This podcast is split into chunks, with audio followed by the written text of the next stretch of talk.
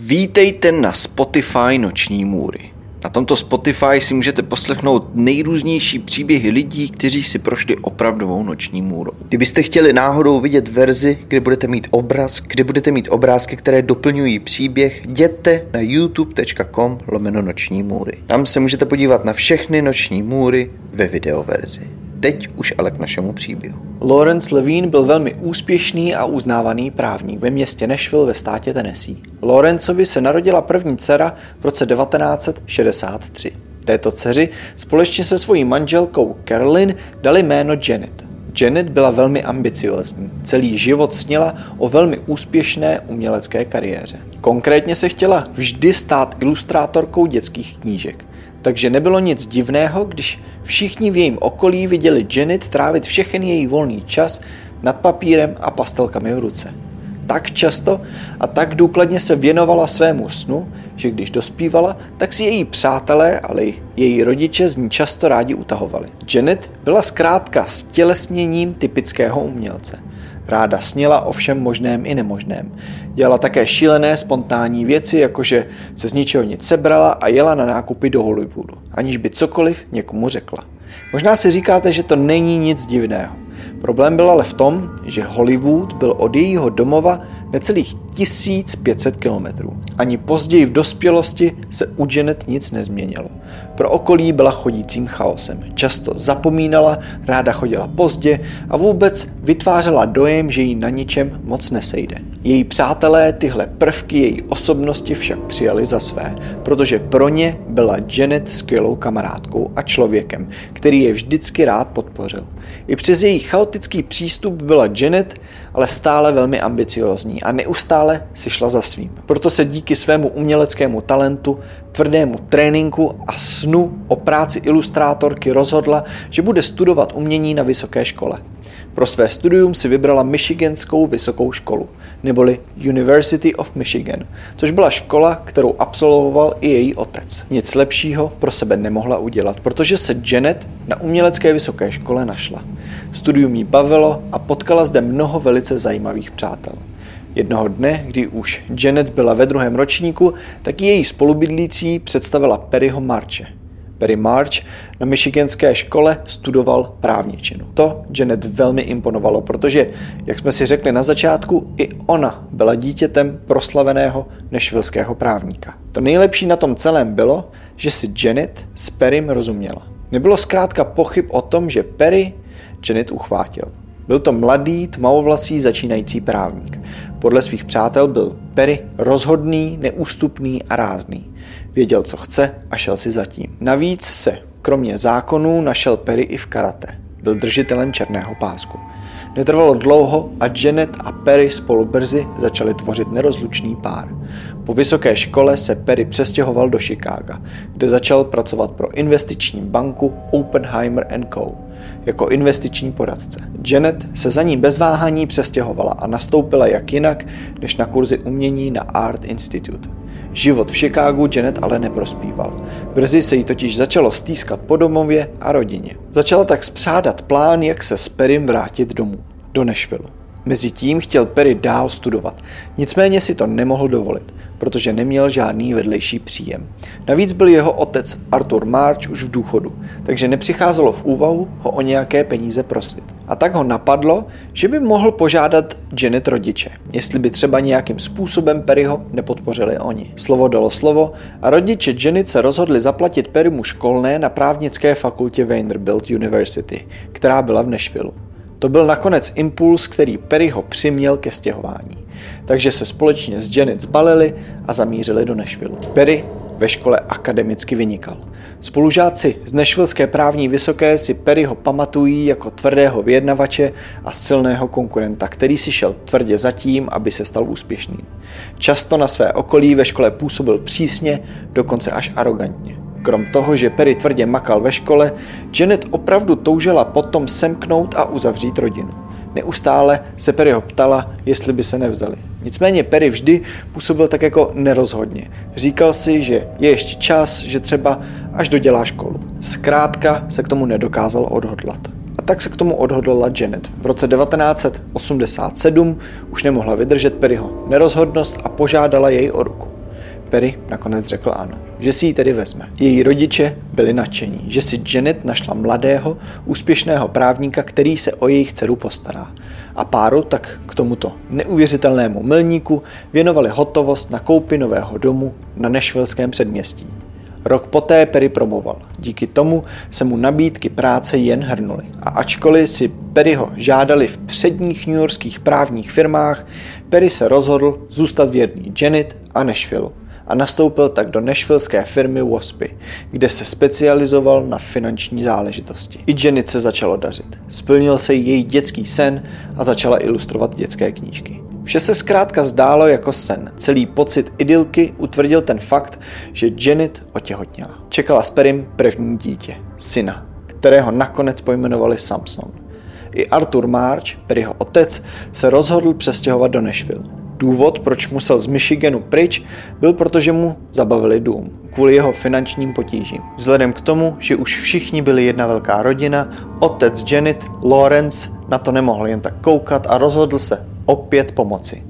Arturův dům tedy odkoupil a nechal tam Artura znovu zadarmo bydlet. Avšak po nějaké době se otcové dohodli, že bude nejlepší, když bude Artur na blízku svému synu a vnukovi. Otec Janet vše samozřejmě zasponzoroval a pomohl Tchánovi své dcery se usadit v Nashville. Vše se zdálo být skvělé. Perry a Janet Marchovi měli na blízku všechny své milované.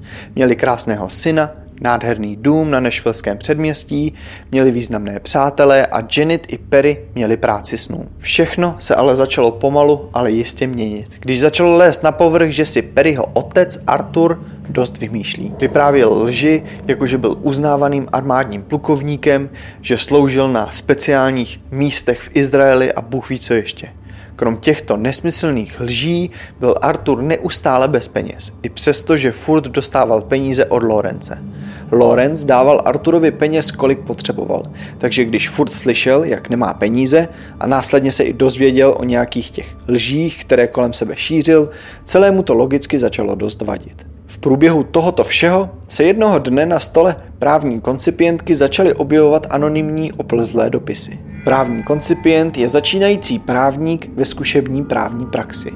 V dopisech autor popisoval, co vše si s ní přeje provádět a nechával na konci dopisu vzkaz, že pokud chce dané činnosti začít, má si nechat napsaný souhlas na papíru na stole. Tato koncipientka vše nahlásila svému zaměstnavateli, který kvůli tomu nechal nainstalovat kamery, aniž by to interně sdělil, aby zjistil, kdo mladé koncipientce dopisy nechává na stole. Ten, kdo jí nechával tyto vzkazy, byl Perry.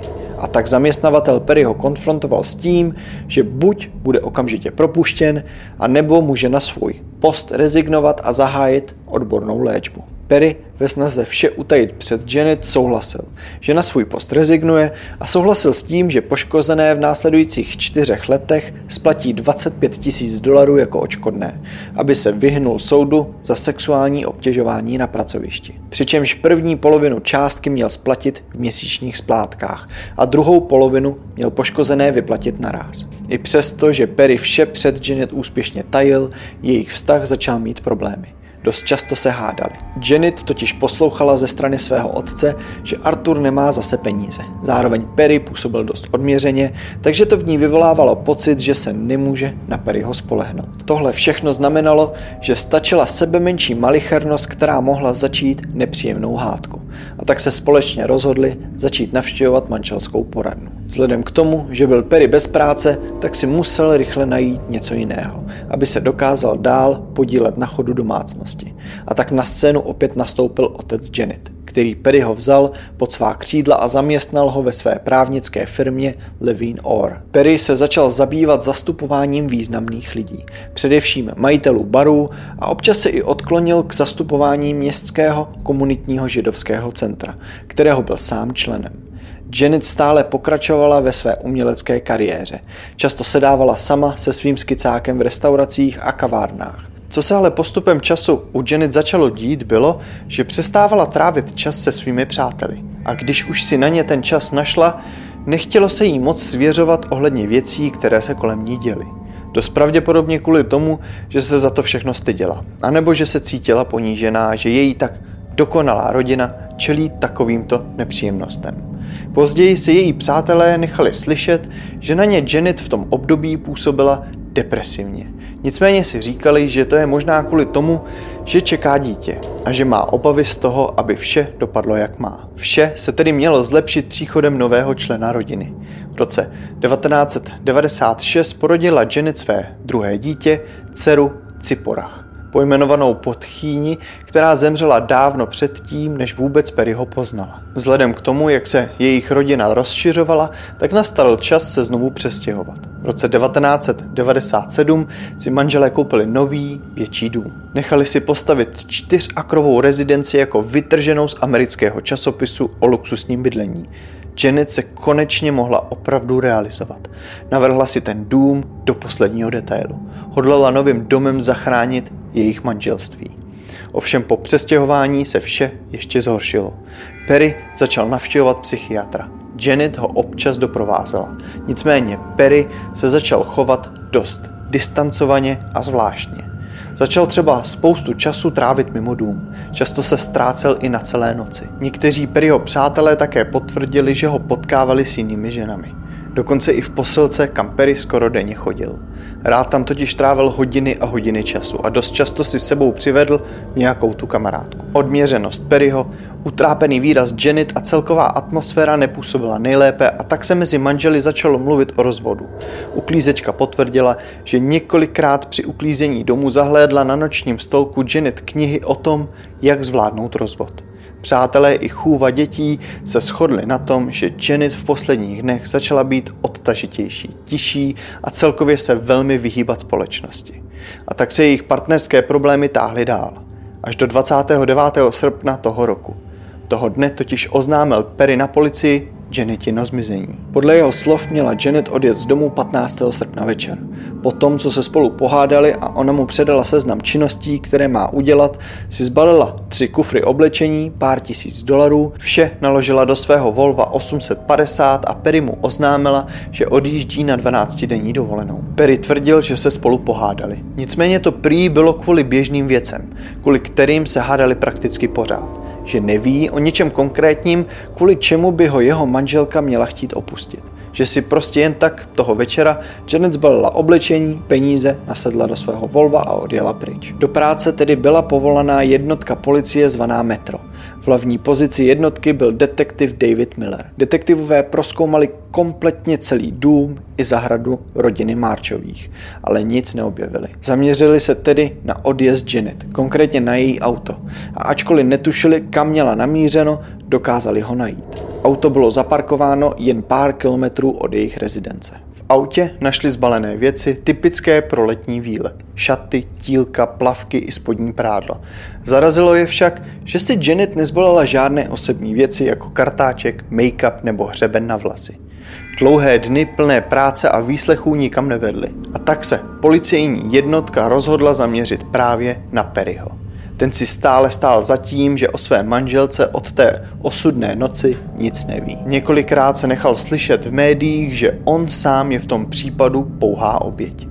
Detektivové se však nenechali odbít a začali se doptávat víc. Netrvalo dlouho, než zjistili, že pár měl velké problémy. Toho dne, pár hodin před svým zmizením, se Janet měla domlouvat se svou kamarádkou, zda by jí následující den nedoprovodila na setkání s rozvodovým právníkem. Důvodem jejich problémů mělo být právě to, že byl Perry již vícekrát viděn s jinými ženami. Navíc na něj dva dny před Janitiným zmizením praskl ten případ s oplzlými dopisy a očkodným. Toto zjištění, jak si umíte představit, Janet naprosto zničilo. Při vyšetřování byla detektivům nápomocná i známá od Janet Marissa Moody. Marissa Moody vstoupila do domu Marchových 16.8.1996 den poté, co byla Janet naposledy viděna, což byl stejný den, kdy měla odjet na svou 12-denní dovolenou. Toho dne do domu Marisa vstoupila, aby přivedla svého syna hrát si se Samsonem, tak jak se s Janet předchozí den domluvila. Avšak po příchodu Marisa Janet nikde nenašla. V kuchyni jí překvapil pouze malý Samy, který poskakoval na takovém velkém strolovaném koberci na kraji podlahy. Viděla, jak tam tak skáče, blbne a užívá si. Sami Mary se sdělil, že maminka není doma a že tatínek pracuje v pracovně. Zároveň také zmínil, že si můžou jít hrát tak, jak byli domluveni.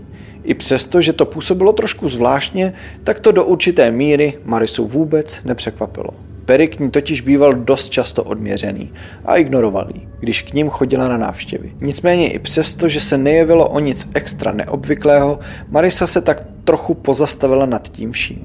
Krom toho, že Janet nebyla doma, byla v domě taková divná atmosféra, kterou si nedokázala vysvětlit. Nicméně to hodila za hlavu a řekla si, že to je jenom nějaký její divný pocit. Marisa potom odpoledne v klidu vyzvedla svého syna. 29. srpna onoho roku se jí tento zážitek okamžitě vrátil na mysl, když se dozvěděla, že Perry oznámil Janet zmizení. Najednou si uvědomila, vzpomenula na ten pocit, který cítila vnitru, když tam byla a viděla ho poskakovat na koberci. Najednou jí došlo, že to nebyl jen divný pocit, že se asi opravdu něco stalo. Na základě střípků hrozivého příběhu začali detektivové skládat mozaiku toho, co se podle nich ten večer stalo. Toho dne, 15. srpna, měli manželé uložit děti do postele kolem sedmé večer. Pak měla vypuknout hádka, při které se pravděpodobně přesunuli dozadu na verandu, aby nebudili děti. V té chvíli se verze rozcházejí. Podle Perryho si v ten moment šla Janet balit věci, aby odjela na neohlášenou dovolenou. Podle detektivů pak nejspíš Janet řekla něco, co Perryho rozčílilo a on praskl. Nejspíš jí chtěl jen udeřit. Možná ale díky letům tréninku v karate Jenny dostala větší ránu, než si Perry představoval. Mohla to být jen hloupá schoda náhod. Rána na špatné místo. Afekt. To se však už nejspíš nikdy nedozvíme, jelikož to, co Perryho usvědčilo, nebylo Janetino tělo. To se totiž až dodnes nenašlo. To, co ovšem víme jistě je, že Perry pravděpodobně sotva pár minut po usmrcení Janet volal svým sourozencům a dělal si alibi. Se svou sestrou i bratrem si v rozmezí pár minut zavolal. Žádný z těchto hovorů nebyl delší než čtyři minuty, ve kterých jim sdělil, že se Janet rozhodla jednou provždy opustit jeho i děti a že odjela pryč. Vzhledem k absenci těla a přímých důkazů byl Perry usvědčen až dlouhá léta po tomto činu. Mezitím se stihl dvakrát se svými dětmi přestěhovat, dokonce i znovu oženit a mít další dítě. Ten, kdo Perryho dostal za mříže, byl jeho vlastní otec, Arthur March. Svého otce si měl Perry pozvat domů v krátké době počinu, aby mu pomohl dokončit alibi a zlikvidovat tělo. V tom domě jen pár desítek hodin potom, co Janet zmizela, se mu Perry přiznal, že se s Janet pohádali a že jí udeřil klíčem. Tři roky po oné osudné noci, když se za svým otcem Perry s dětmi přestěhoval do Mexika, měl otec žádat, aby si najali vraha na zabití Janetiných rodičů. Ti totiž chtěli Perryho připravit o děti. To si přáli z jediného důvodu. Nepřestávali věřit, že je Perry vrahem jejich dcery. Avšak to, že by mu její rodiče vzali děti, Perry nechtěl za žádnou cenu dopustit. Chtěl je proto nechat zabít, k čemuž naštěstí nikdy nedošlo. Otec Perryho, Arthur March, byl stíhán pro spolovinu na zmizení Janet a při výslechu vše vyklopil. Nikdy však nebyl schopen dovést policii na místo ukrytí těla. A tak bylo celé obvinění i rozsudek postaveno na nepřímých důkazech. Perryho otec byl odsouzen na pět let za napomáhání při ukrytí těla a jeho syn Perry March byl roku 2007 odsouzen k 56 letům vězení. Nikdy se však k činu nepřiznal. Nejděsivější na tom všem je, že podle detektivů bylo tělo Janet prvních pár hodin ukryto v tom obrovském koberci. V tom koberci, na kterém sami poskakoval, když k němu domů přišla na návštěvu Marisa Moody.